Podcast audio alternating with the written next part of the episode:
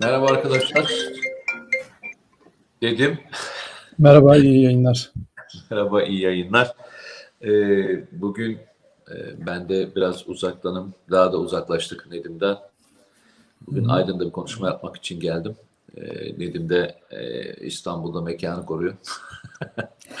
evet Nedim, e, bugün biraz senden başlayalım direkt. E, çünkü Sayın Meral Akşener e, grup konuşmasında aslında senin birkaç e, konuşmamızda da bahsettiğin ana konulara girdi. E, onlardan başlamak istersen buyur e, söz senin. Ya Bu arada şimdi, önümde tabii... e, şey yok o yüzden arkadaşlar bugün yazdıklarınızı görme şansım ve okuma şansım yok. O yüzden bugün işte sizlerden özür diliyorum. Gördüğünüz gibi böyle e, otel odalarından bağlanmak zorunda kalıyoruz. Kusura bakmayın. Buyurun Nedim Bey. Şimdi tabii ben e, hala e, belki partili partili düşünenler, partizanca düşünenler e, önemsemiyor olabilir. Ama ben hala e, tezkerenin şokundayım, onu söyleyeyim.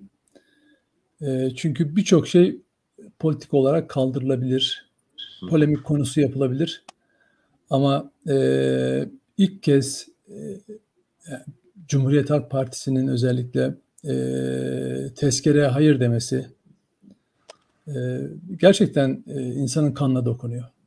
Çünkü yani karşılıklı birçok konuda anlaşamayabilirsiniz. Ama söz konusu Türk askerinin e, haklı mücadelesi olunca Peki bunu yapacaklarını şey düşünmüyorsunuz. Tam, evet. tam evet. burada bir şey sorabilir miyim? Sonuçta sen CHP üyesi misin? Yani CHP parti üyesi misin? Hayır, hayır. Ben önünden bile geçmedim. CHP'nin yani. daha önce herhangi bir siyasi bir bağın oldu mu? Hayır, hayır, hayır. Hiç hiç. Peki. Hayır. O zaman şöyle o zaman şöyle sorayım. Yani bundan asıl rahatsız olması gerekenler, yani asıl itiraz etmesi gerekenler CHP'liler olması gerekmiyor mu? İşte zaten cümleme girerken partili olanlar ve partizanca düşünenler diye bir şerh koydum ya. Bu partizanca düşünme bütün ulusal çıkarları göz ardı etmeyi gerektiriyormuş. Onu anladım ben. Ben buna şaşırdım gerçekten. Çünkü ben CHP tabanının nasıl ulusalcı, milliyetçi, e, Atatürkçü olduğunu, mesele ulusal meseleler olduğunda nasıl tavır aldığını biliyorum yani. Onları hissediyorum yani. E, ama görüyorum ki Kılıçdaroğlu politikaları onları öyle bir esir almış ki şaşırıp kalıyorum. Hiç ummadığımız isimler e, HDP ile birlikte CHP'nin tezkereye hayır demesini alkışlıyorlar. Ha çok mu kuvvetli yapabiliyorlar? Hayır. Politik bir destek olsun diye, bir algı yaratmak için, e, ona onlara inananları destek şey yapmak için, ikna etmek için bunları yazıyorlar. Zaten yaptıklarının haklı bir şey olduğunu düşünseler, doğru bir şey, ilkeli bir tutum olduğunu düşünseler bunları yazmazlardı. Savunmaya bile gerek kalmazdı. Ama görüyorum ki e, öyle değil. Tabii bunun bir background'ı var. Nereden geliyor bu ya? Nasıl oluyor? Ben bunu ben son e, tezkere geçti e, ama ben son 3-4 yazımı buna ayırdım. Sürekli bunu konuyu işlemeye çalışıyorum. Çünkü karşımızda e, PKK terör örgütünün çizdiği bir strateji var. HDP'ye çiziyor bu stratejiyi. Hatırlayacaksınız 10 Ekim günü İçişleri Bakanı Süleyman Soylu PKK'nın HDP'ye gönderdiği talimattan söz etmişti. O talimat evet. yazısını ben birkaç defa e, köşeme taşıdım. Televizyonlarda da konuştuk. Orada diyor ki bir ittifak, açık ittifak içinde olmazlar Cumhuriyet Halk Partisi ve İyi Parti. Ama onlara HDP olmadan kazanamayacaklarını, iktidar olamayacaklarını hissettirin. E, ürkütmeden, korkutmadan bunu söyleyin, ona ikna edin. Ve bu ikna bir şekilde gerçekleşmiş görünüyor. Nitekim tezkereden önce Cumhuriyet Halk Partisi Genel Başkan Yardımcısı Oğuz Kağan Salıcı eleştirilerimize rağmen e, tarihi sorumlulukla hareket edeceğiz dedikten bir gün iki gün sonra e, HDP'liler devreye girdiler ve hayır vermeleri gerektiğini söylediler CHP'lilere. Ve e, İmam Taşçıer var HDP milletvekili. O aynen tweet attı. Dedi ki eğer CHP evet derse AKP'den ne fark olur seçmenin gözünde niye oy versinler gibi bir tweet attı. Ertesi gün Kılıçdaroğlu e, buna e, kendisinin de inanmadığı e, birkaç tane itiraz noktası belirledi. Bunlardan bir tanesi yabancı askerlerin bulunması tartışması ki bu 2014'ten beri CHP'nin evet dediği her tezkerede olan DH'de uluslararası mücadele kapsamında, koalisyon mücadelesi kapsamında yazılan bir madde ama hiçbir zaman uygulanmış bir madde değil. İkincisi süresinin iki yıllık olması. Bunların niye olduğu da belli zaten. Ama buna rağmen bu itirazları, bu itirazları yapanlar e, asıl niyeti göz, e, insanlardan saklıyorlar. Suçluluk o kadar yukarıya çıkmış ki e, tezkereye evet diyen AKP'yi, e, MHP'yi, Memleket Aha. Partisi'ni, İyi Partisi, İyi Parti'yi e, Cumhuriyeti ihanetle bile suçlayabildiler.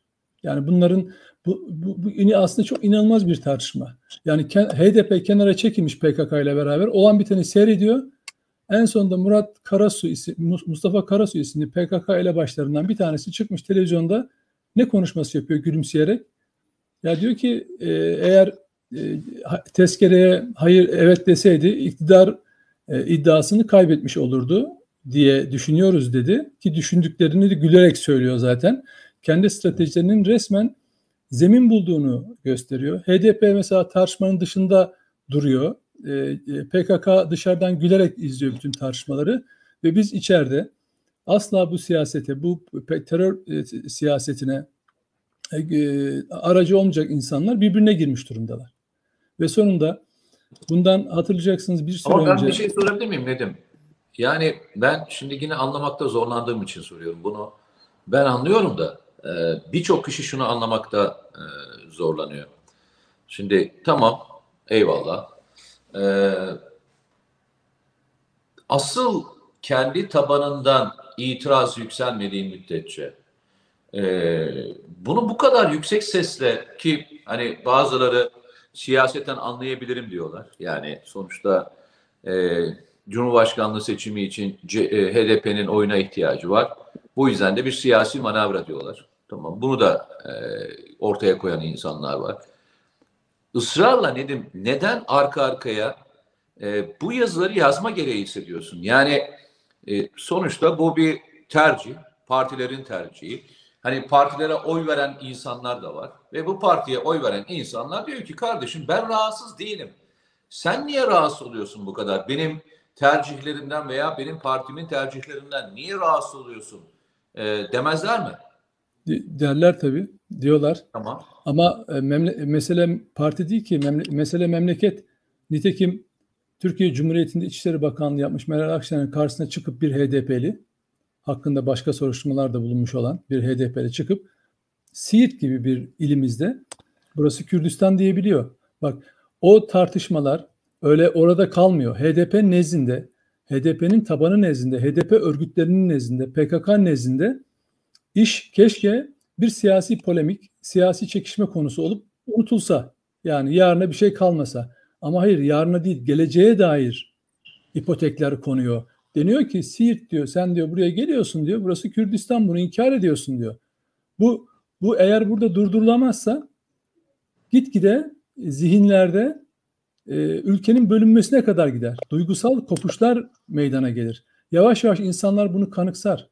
Oysa e, o zaman Nedim Türk... itiraz etmemiz gereken şu değil mi? Ben mi yanlış e, düşünüyorum? E, şimdi birileri diyor ki kardeşim ben buna rahatsız değilim ve ben böyle bir strateji belirledim. Ve ben bu stratejiyle ilerlemeyi düşünüyorum diyor.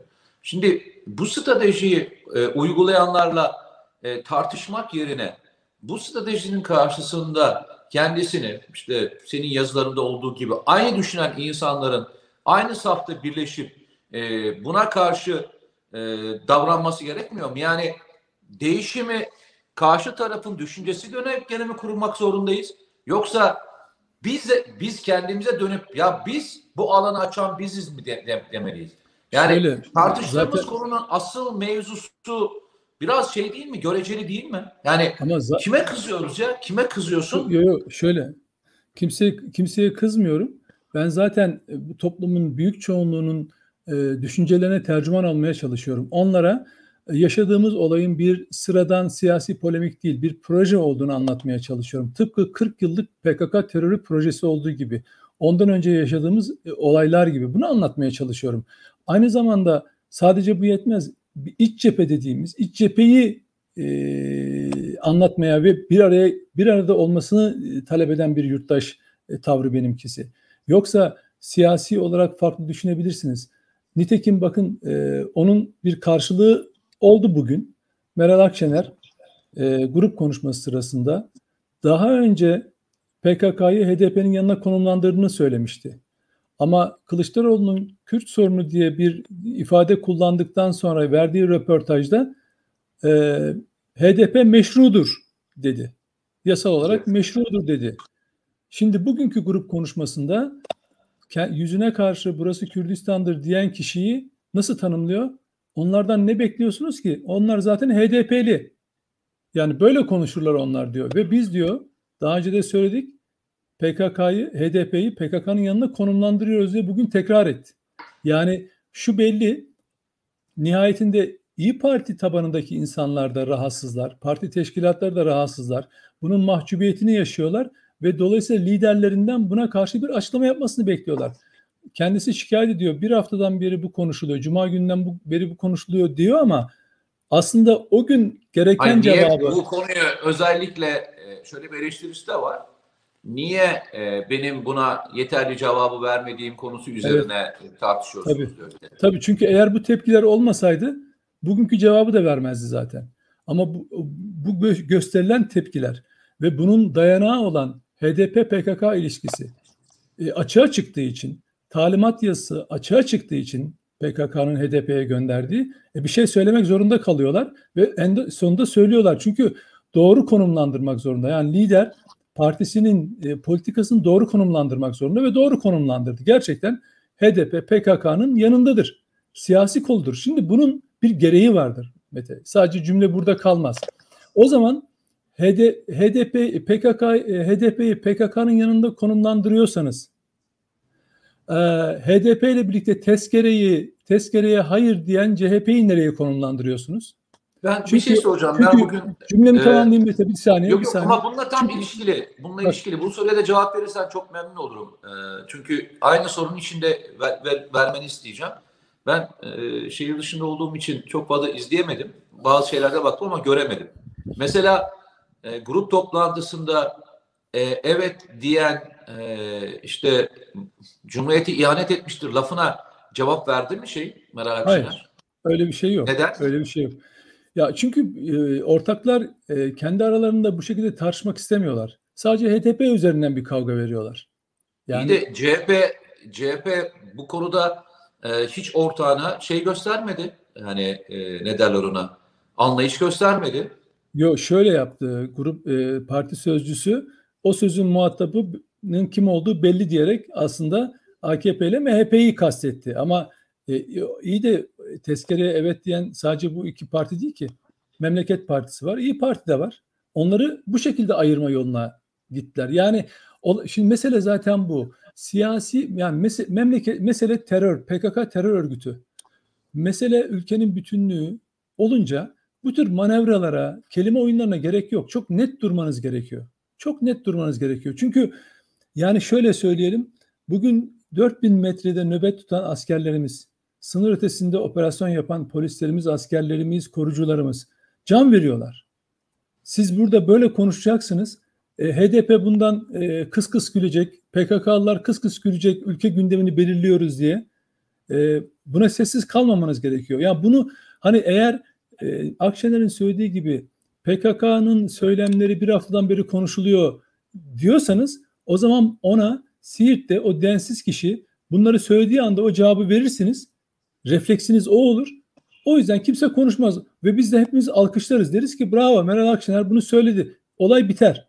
Yani o hattı o hattı o adamın ağzını açtığı yerde kurarsınız. Tamam mı? Ülkeyi savunma hattını o kişi Siirt'te ağzını açtığı anda orada kurarsanız o da, o yürümez, o konu tartışılmaz. İstanbul'a Ankara'ya kadar gelmez. İnsanların evinde tartışma konusu olmaz.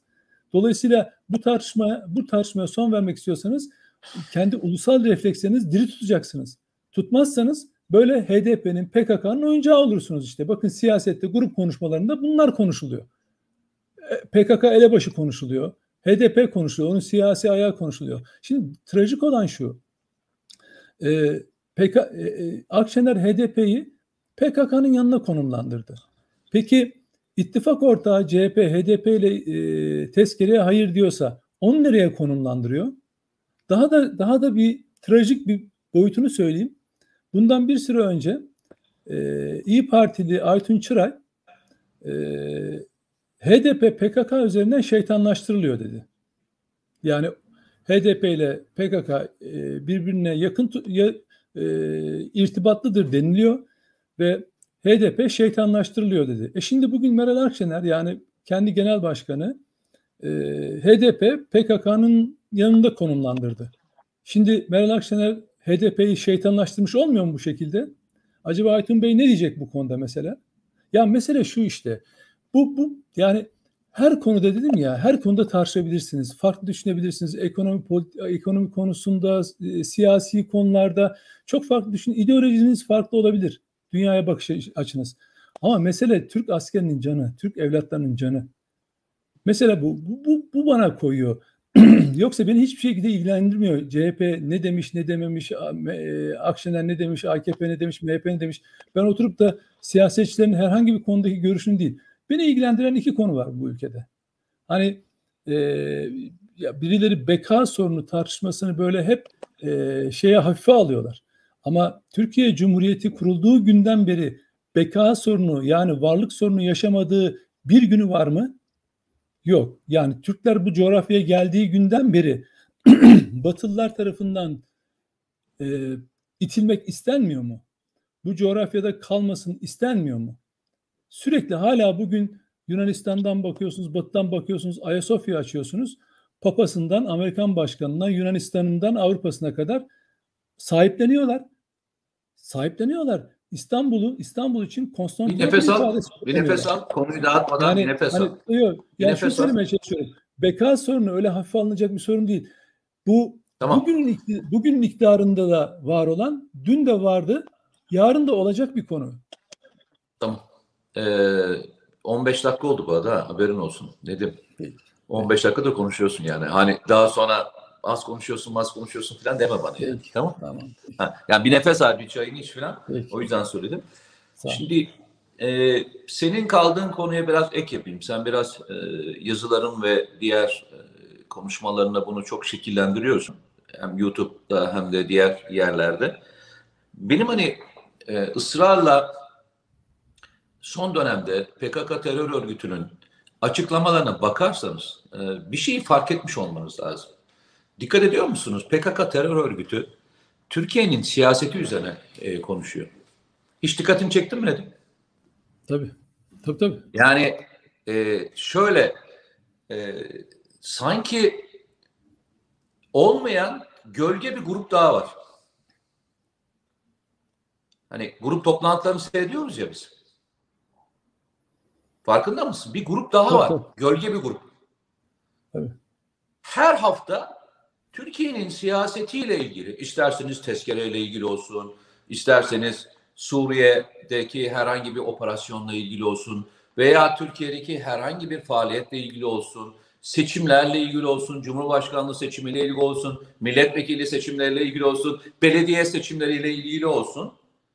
Bir yer var ve orası kendisini Türkiye'nin başka bir grubu, grup toplantısı yapar gibi konuşmasını yapıyor. Ve bu grup konuşması Türkiye'de bazılarına mesaj olarak da algılanıyor. Yani evet. asıl belki tartışılması, belki üzerine hani trajikomik e, noktaya geldiğimiz yer, yerin ben bu olduğunu düşünüyorum. Hiç kimse buna değinmiyor farkındaysan. Yani şöyle bir konuşma hiç geçmiyor. Arkadaşlar kim bunlar ya? Yani Türkiye'nin siyasetini şekillendirmeye çalışan bir terör örgütü vardır diye bir manşet görmüyorum mesela ben Türkiye'de. Ve biz konuşmalarımızı her zamanki olduğu gibi devam ediyoruz. Ve bu konuşmaların içerisinde aslında terör örgütü manşeti onlar atıyor. Sen yazıyorsun, o yazıyor, bu yazıyor, o yazıyor. Yani PKK terör örgütünün Türkiye'de neredeyse sıfır eylem yapma noktasına geldi. Kuzey Irak'taki bütün kamplarının yüzde doksanına yakınını kaybettiği, bir yerde PKK terör örgütü nasıl oldu da siyasetin üzerindeki etkisini bu kadar arttırabiliyor veya siyasi konuşmalara bu kadar angaja olabiliyor? Asıl tartışılması gereken Nedim bu değil mi sence? Yani Asıl asıl hepimizin tartışması gereken bir biten bir örgüt kendisini evirerek güç kaybettiği alanın dışında başka bir alana doğru yapıyor. Ve biz bitme noktasındaki bir örgütü siyasette meşru değil, evet ve hayır tartışması içinde buluyoruz ya. Yazık değil mi ya? Bu memlekete yazık değil mi? Sen çok doğru bir şey söyledin. Sınırda, sınır ötesinde, diğer operasyonlarda fiili çalışan bütün güvenlik görevlilerinin, istihbarat teşkilatının mensuplarının bu tartışmaya nasıl baktığını düşünebiliyor musunuz ya? tabii. Tartışma şöyle. Ee, e, bir gün konumlandırıyoruz e, partiyi PKK ile yan yana. Bir gün meşru kılıyoruz. Bazıları meşru ve legal kılıyor. Legaliteyi tartışıyoruz. Sonra meşruluğu tartışıyoruz değil mi? Tartıştığımız konunun ana şeyi bu. Ama her gün Türkiye'ye sınır ötesi operasyonlarında devam ettiğimiz bir dönemde PKK'yı bitirme noktasına getirdiğimiz bir dönemde bir kez daha söylüyorum. Biz tartıştığımız konulara bak ya. Yani senin anlatmaya çalıştığın şey şu. Sen şeyi anlatıyorsun farkındaysan. 40 yıllık bir örgütün Türkiye'den toprak almak isteyen bir örgüt olduğunu anlatmaya çalışıyorsun. Bir beka mi? sorunu olduğunu anlatmaya çalışıyorsun. Evet. evet. Trajik komik ya. Tabii. Trajik komik bir mevzuyu anlatıyorsun. Farkında mısın sen? Evet. Evet. En başa dönüyoruz yani. Yani ya insanın hani böyle şeyi tutuluyor ya. Gerçekten tutuluyorsun. Nasıl yani? Şimdi Nedim köşe yazısında şeyi anlatıyor. PKK'yı anlatıyor. Aa Tabii. PKK bu muymuş gerçekten? Yani 40 yıl sonra PKK terör örgütünün uzantıları, Türk onun adına konuşan kişiler daha Türkiye'deki insanlar tarafından anlaşılamamış mı? Ya herkesin göz önünde yaşanıyor. Hani var ya bir laf diyorlar ya herkes oradaydı. Herkes burada arkadaşlar ya. Bu kadar mışlı bir yerde, bakın bu kadar mışlı bir yerde herkesin hikayesi kendisine göre yazılır ya. Herkesin hikayesi kendine göre yazılır. Çünkü herkes mışlı konuşuyor. Öznesi yok, öznesi olmayan cümleler kuruluyor. Biz bazen diyoruz ya seninle beraber eleştirdiğimiz konulardan bir tanesi. PKK terör örgütü bir saldırı yapıyor. Cümlenin öznesi yok.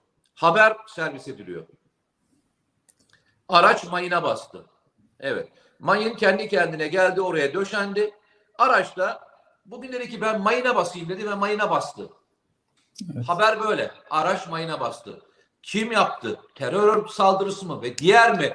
Hiç konuşmanın içerisinde hiçbir metin yok. Peki yalnızca bunu bir grup kendisini öyle konumlandırmış bir medya grubu mu yapıyor? Yoksa biz de mışlı konuşmaya mı başladık? Vallahi birileri birileri belki falan konuşabilir veya e, onların Ya ben şundan Evet. bahsediyorum Nedim. Sen hala terör örgütünü ne olduğunu anlatmaya çalışıyorsan ve cümleni kurarken ya bu insanları ben tanıyorum. Bu insanlar budur. Vatanseverdir. Bu insanlar işte şu konularda budur diyorsun ve sen tekrar PKK'yı anlatıyorsun ya. Onlara Ya tekrar hepimizin PKK'ya durması gereken yer burası ya. Bakın herkes bak bu alanı biz açtık kardeşim. Bu alanı açan biziz. Sorumlular da biziz. Biz açtık ya. Biz açtığımız için bu alana bu kadar rahatlıkla girebildiler. Bu alanın içinde bu kadar rahatla gezinebildiler. Ha şunu yapabilirsin. Nedim şunu söyleyebilirsin. Ya ben yapmadım kardeşim ben hala. Mesele sen ben değilsin. Sen ben değilsin ki. Mesele sonuçta vatan toprağı veya vatanla ilgili bir sıkıntı olduğunda Nedim aslında konuşmuştu deyip ayırmıyorlar ki onu. Ayırmıyorlar. kaybettiğin bütün değerlerle beraber sen de gömülüyorsun. Seni de gömüyor.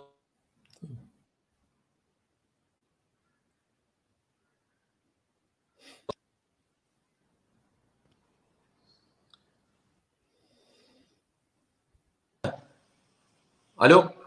Evet, şimdi Geliyor mu? Duyuyorum, duyuyorum. Ee, sesim kesildi kusura bakma. Yani buradaki tek mevzu bizim hep beraber oturup bazen söylüyorsun. Hani ilginçtir. Mesela bu terör örgütü ve diğerlerinin yapılandırılması sırasında belki hatırlar mısın bilmiyorum. Ee, terör örgütüne destek veren Türkiye'deki bütün örgütler birleştiler. Daha sonra bir platform oluşturdular. Daha sonra Suriye'ye geçtiler. Biliyorsun değil mi? Hı hı. O Tabii, tabii, platform. 11, 11 tane örgüt evet. Örgüt. Tamam. Ya arkadaşlar bütün örgütler ki bunların bir kısmı birbirine e, çatışan daha önce birbirini vuran adamlar. Doğru mu? Tunceli sahasında ve diğer sahalarda birbirini vuran adamlar. Şimdi düşün. Örgütler birleşip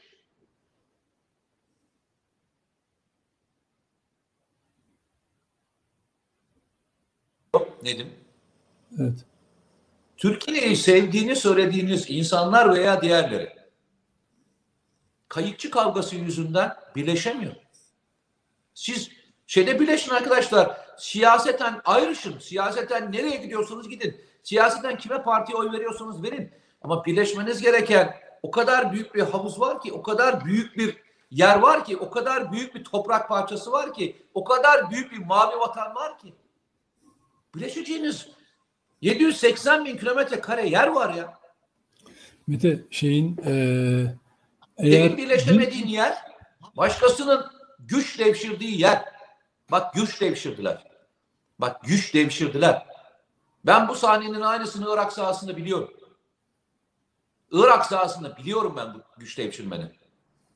Tamam mı? Bu böyledir. Bu böyle gider. Tamam mı? Hiç kimse kendisini kendisini suçsuz ilan etmesin. Sessizliğimiz sessizliğimiz başkalarının sesinin çok çıkmasını sağlıyor. Az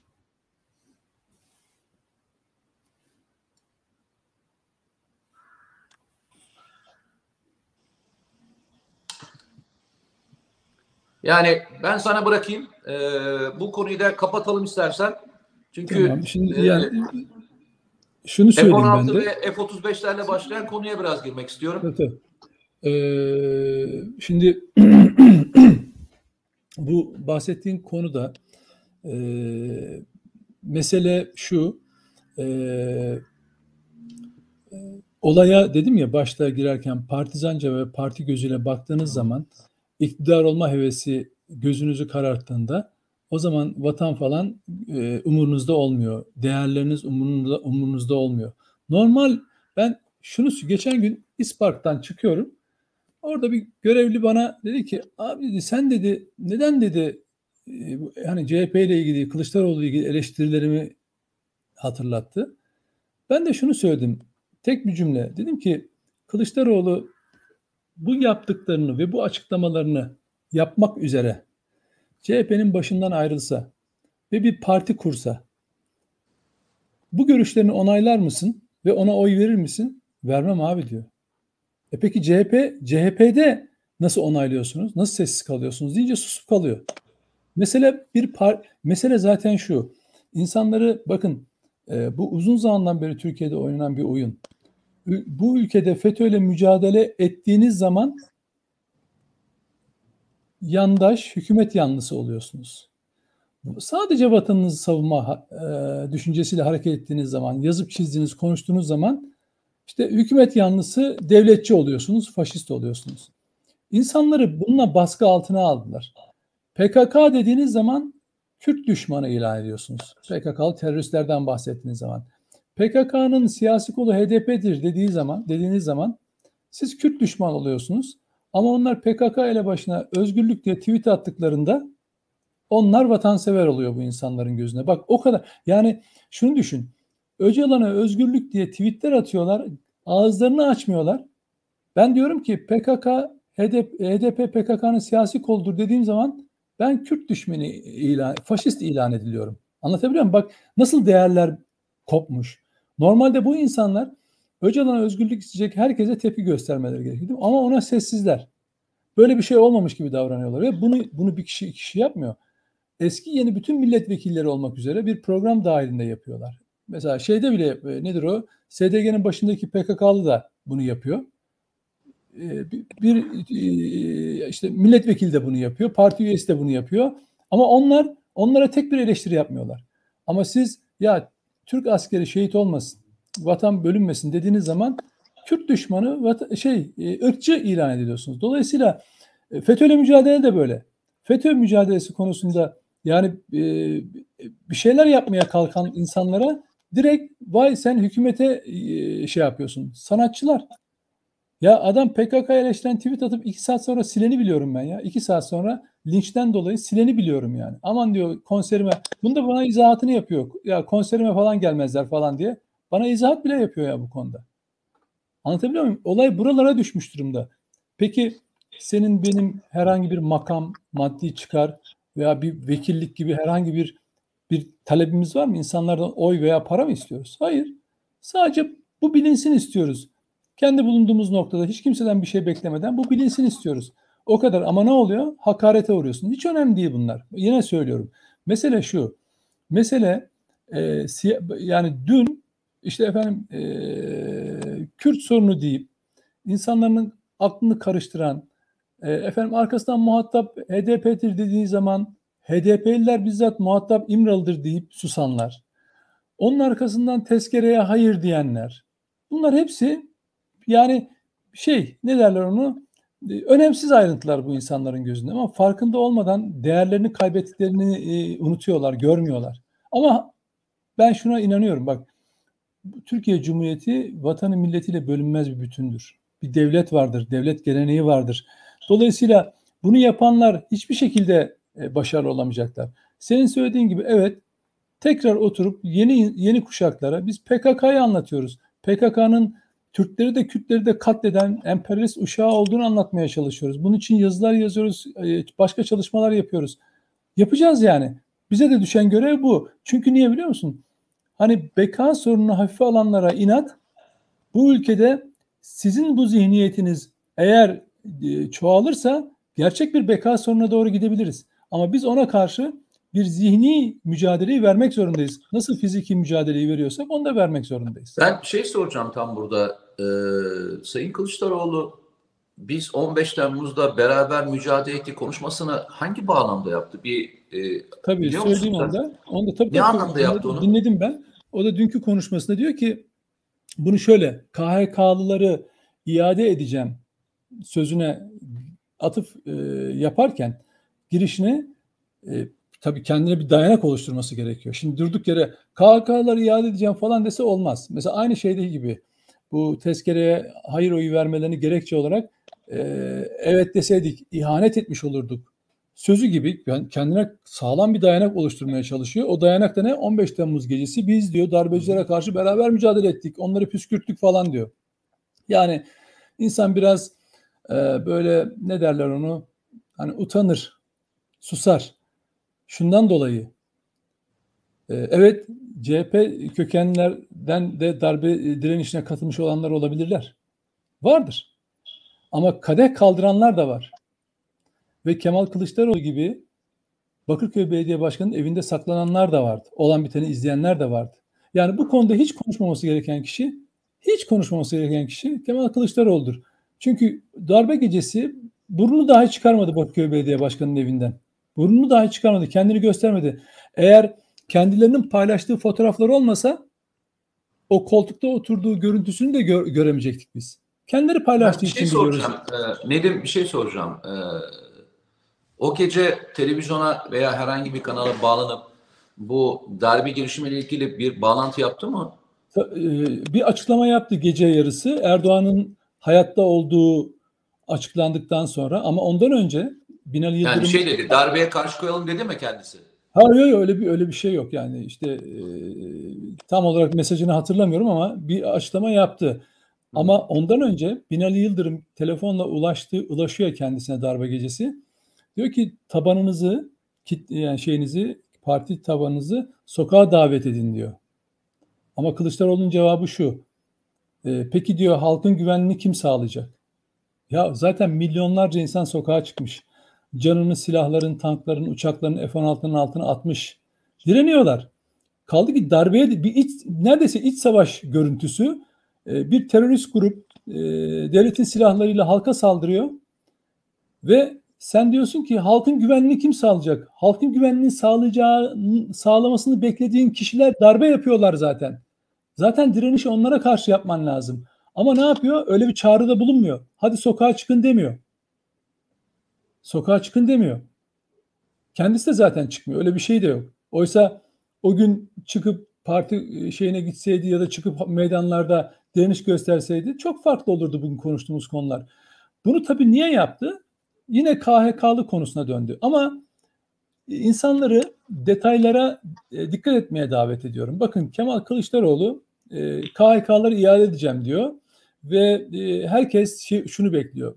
FETÖ'cüleri bile heyecanlandıran bir açıklama bu e, televizyon programları yaptılar. Yurt dışında para toplarız, nasıl yaparız, şöyle olacak, böyle olacak falan filan. Ama Kılıçdaroğlu'ndaki tutarsızlığı göremiyorlar. Çünkü çok ham ham bilgilerle hareket ediyor. Yani bu konuyu çalışmış değil, bildiği bir konu değil. En sonunda ama doğruya geldi. Dünkü konuşmasında aslında ilginç bir ayrıntı verdi. Hatırlayacaksınız bundan bir buçuk ay önce ilk konuşmasında ben diyor KHK'ların hepsini bir haftada iade edeceğim. Teröre bulaşmamış olmak şartıyla dedi. Sonra haklarında mahkeme kararı olmayanlar diye düzeltti. Sonra soruşturma olmayanlara getirdi.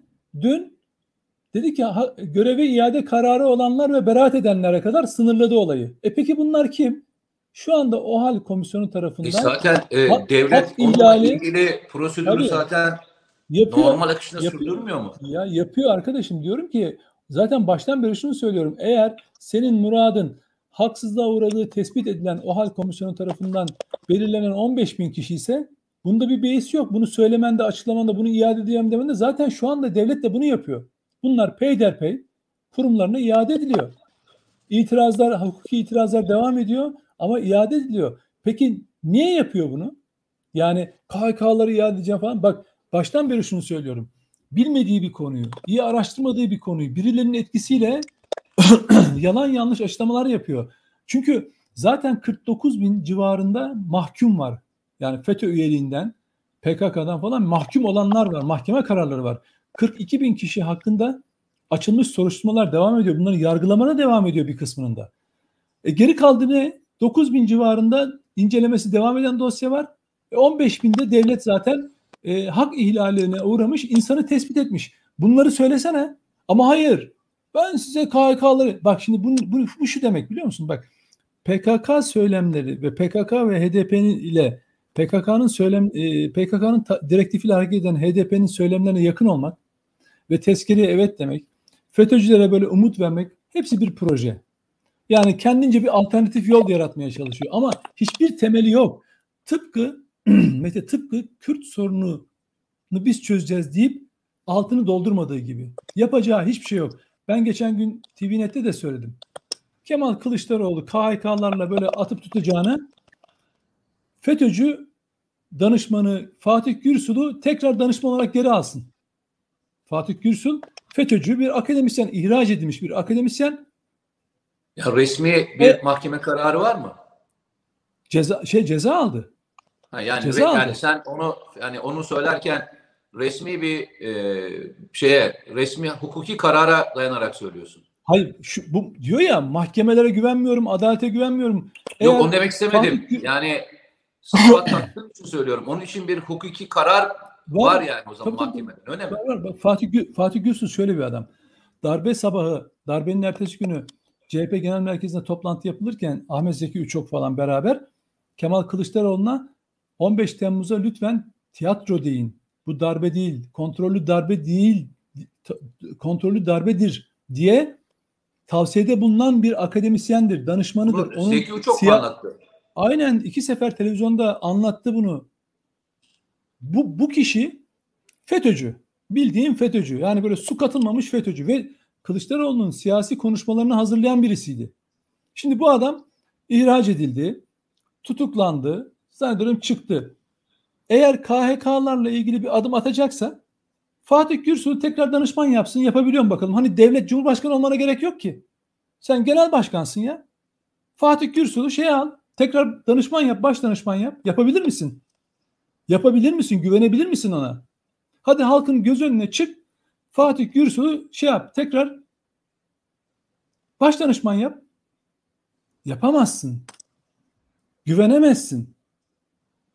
Toplumun içine çıkamazsın. Bir tek Fatih Gürsu'ndan bahsediyorum. Bir tek onu Baylokçu. Al. Baş danışmanındı. Onun gibi 3-4 tane daha baş danışmanı vardı. Onları da dışarı çıkardılar. Bazıları tutuklandı, ceza aldı. Yargılaması devam eden var değil mi? Daha kararlar kesinleşmemiş olmakla birlikte. Kimi hala medyada dolanıp duruyor. Onları da geri alsın. Hani o, e, de, de, Ankara'da bir derin devlet aklı var diye darbeden önce darbe işareti veren Halk TV'de birisi vardı. Danışmanı ya. Siyasi danışmanlarından bir tanesi. Hadi al onu da, da şey yap. Partiye al. Ya Cumhurbaşkanı olmana, kararname çıkarmana gerek yok Fatih Gürsul'u baş danışman yapman için. Bir talimat vereceksin. Fatih geri gel. Seni danışman olarak istiyorum diyeceksin. Hadi al sana FETÖ'cü şey KHK'lı. Onu, onu söylemeye çalışıyorum. Öyle kolay değil bu işler. Yani bu atmasyonlu yani Kürt sorunu deyip kenara çekileceksin altı boş. Nedir kardeşim? HDP'li e, İmam Taşyer söylüyor. Anayasanın ilk dört maddesi tartışılmadan Kürt sorunu konuşmanın bir anlamı yok diyor CHP ile. Hadi sana talimatı vermiş. Hadi konuş bakalım. Kürt sorunu nedir? Bir daha anlat bakalım bize. Peki. Yani Ee, e, en son G20 zirvesinde bir konuşma yapıldı. Hatta biraz da ona girmek istiyorum. Dünden beri televizyon kanallarını e, takip etmeye çalışıyorum. Türkiye'nin sınır ötesi operasyon e, yapma ihtimali üzerine e, çok yüksek artık televizyon programları yapılmaya başlandı. Daha önce konuşmaydı, söylentiydi. E, dünden itibaren artık daha doğrusu bu haftadan itibaren bu konu birinci gündeme geldi. Suriye'ye bir operasyon yapılabilir mi? Yapılırsa nereye yapılabilir? Kapsamı ne olur diye konuşulmaya başlandı. Suriye'nin içerisinden e, işte yabancı basın mensupları, Türk basın mensupları, bu işi bilen e, kişiler konuşmaya başladılar. Tam da o gündemlerle beraber G20 zirvesinde F-16'lar ve F-35'ler konusu da açıldı. Ee, tabii ikinci ilginç bir konuyu da onunla bağlaştırarak söylüyorum. Bize S-400 konusunda ambargo uygulayan e, Amerika Birleşik Devletleri ki Katsa'nın içerisinde NATO diye bir kapsam yok. Katsa Rusya ile e, işbirliği yapan herkesi kapsıyor. Yani Rusya ile işbirliği yapan NATO diye bir maddesi olmamasına rağmen.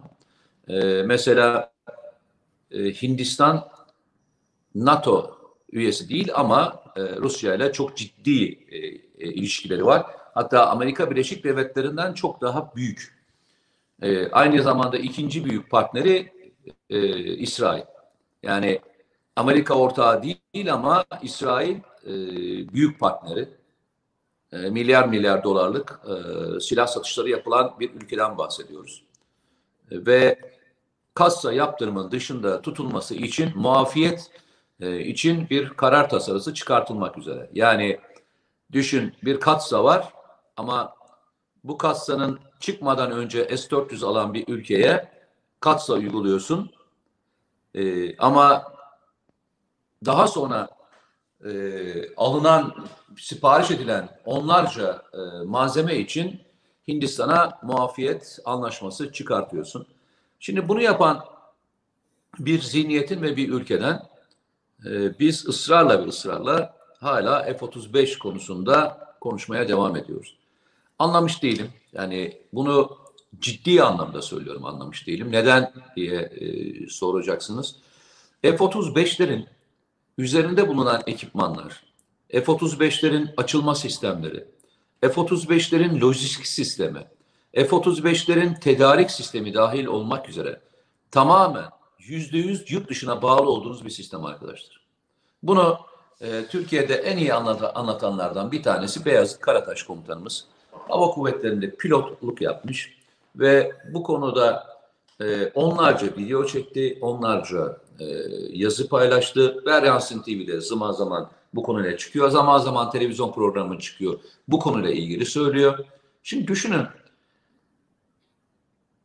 bize devamlı yani F-16'lar konusunda bile vermeyin diye 41 tane kongre üyesinin olduğu bir ülkede uçağınızı kaldırmak için pin kodu, hani öyle diyeyim basite indirgeyerek herkese anlasın diye söyleyeyim. Hani telefonunuza giriyorsunuz ya, pin kodunu girip öyle açıyorsunuz ya. Ee, o kodla uçağınızı kaldırabildiğiniz ve o kodun merkezinin Amerika Birleşik Devletleri olduğu bir yerde bir gün sabahleyin bu F-35'leri kullanmaya karar verdiniz. Ve bu da pek Amerika'nın hoşuna gitmeyecek bir ülke oldu. Siz o uçakları kaldırabileceğini düşünüyor musunuz arkadaşlar? Hani hala bu kadar e, iyi niyetli, hala bu kadar e, karşı tarafın sizinle ilgili güzel duygular olduğunu falan mı bekliyorsunuz? Bakın F-16 bile vermeyin diyen 41 kongre üyesinin varken Türkiye'nin F-16'lar ve diğer konularında çok hızlı ilerleyebileceğini düşünebiliyor musunuz? Geçmişte de e, Patriot'lar konusunda S-400'ler alınmadan önceki süreçlerde de biz önce Çin'den almıştık hatırlarsanız. Çin'le böyle bir anlaşma imzalamıştık. Ve o Çin'le imzaladığımız anlaşmada e, Çin'den almayın biz size gerekli olan kolaylığı yaparız diyen Amerika Birleşik Devletleri o toplantıları uzattı, uzattı, uzattı, uzattı, uzattı. S-400'ün muadili olan, farklı farklı versiyonları olan Patriot'ın blok seviyesindeki ürününün daha önceki görüşmelerin 90'lı yıllarda başladığını size söylesem ne dersiniz bana? Yani 30 yıldan beri müzakere konusu olan bir silah sisteminden bahsediyoruz arkadaşlar. 30 yıldan beri müzakere ediyor. Verecekler mi? Vermeyecekler mi? Hangi şartlarda verecekler? Hangi fiyata verecekler? Kapsamları ne olacak? Teknolojik devredecekler mi? Devretmeyecekler mi? Siz hiç hayatınızda 30 yıl süren bir silah sisteminin alınması görüşmesini hiç hatırlıyor musunuz? Neredeyse Patriot'lar eskidi yani. Blok seviyeleri artmaya başladı. Belki Patriot'in yerine yeni yeni e, alternatifleri çıktı. Hala konuştuğumuz mevzu Patriot'la aynı mevzu. Ya ben de hani e, bu konuları sen hani şey konusunu anlamıyorsun ya. Bu diğer konuları anlamıyorsun da. Bu da benim hassas konum.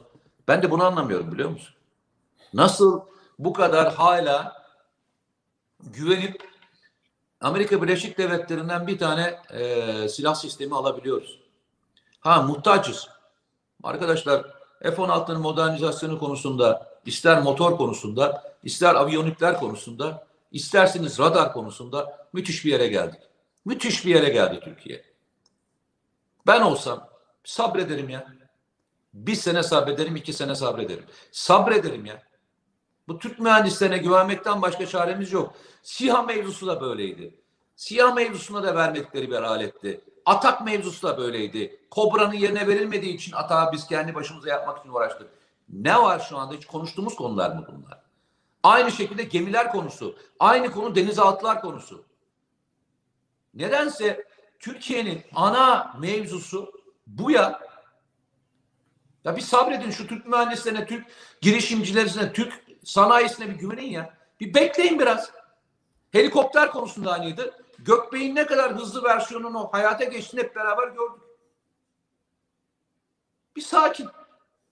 F-16 konusunda da dün akşam geçen gün birisi söyledi. Şeyde Doğu Bey mi söyledi ya? Şeyde e, TVNet'te konuşurken söylemişti galiba değil mi? Ya kardeşim Amerika Birleşik Devletleri dedi bir saat değil de 100 saat konuşsak ne fark edecek demişti. Hatırlıyor musun? Tabii. Ne fark edecek? PYD'ye silah göndermeye devam ederken Yunanistan'a doğu şeyde Dede Ağaç'ta göndermeye devam ederken ne fark edecek arkadaşlar ya? Ne fark edecek? Bir saat değil de 100 saat konuşsanız ne fark edecek? Adamın bir yol haritası var ve bu yol haritasında ilerliyor. Mesele senin yol haritasının ne olduğunu, sen nasıl ilerleyeceksin? Sen bunlara nasıl tepki koyacaksın ve sen bunların çözümlerini milli olarak nasıl üreteceksin? Silah sisteminden bahsetmiyorum. Bunların çözümleri milli nasıl olacak? Başkasından güç bulmadan, başkasından güç devşirmeden, başka bir yere dayanmadan biz bunu nasıl atlatabiliriz? Bu sorunu nasıl çözebilirizin Cevabını bulduğumuzda biz bunlarla e, gerçek anlamda mücadele edeceğiz. Evet. Böyle bitirelim. Yaklaşık 50 dakikadır e, seyircilerimizle beraberiz, dinleyicilerimizle beraberiz öyle diyelim. Arkadaşlar tartışacak çok konu var. Muhtemelen önümüzdeki dönemde e, söyleyenler öyle söylüyorlar en azından. E, Suriye'deki veya diğer cephelerde yaşanacak olan sorunların çözümünde tartışmaya devam edeceğiz. E, bir kısmı yakın, bir kısmı uzak diyenler de var. Hep beraber izleyelim. Bugüne kadar e, ben hiçbir dönemde operasyon zamanı ile ilgili bir şey söylemedim. Yani operasyon yarın, haftaya, bugün gibi bir konuşma yapmadım hayatım boyunca. Bugün de yapmayacağım. E, yapıldığında hep beraber görürüz. E, ona göre yarın sabah askere gidecek halimiz yok. Bunu e, bilmesi gerekenlerin hepsi biliyordur. O gün geldiğinde de bizim yapabileceğimiz şey e, bu işi yapanların arkasında e, kaya gibi durabilmek. Kendinize iyi bakın. Allah'a emanet olun. Nedim e, görüşmek üzere. Sağ ol. İyi. Herkese selam söyle Aydın'da da. Söyleyeceğim söyleyeceğim merak etme. Kolay Kendinize iyi bakın. Sağ ol. Sağ olun.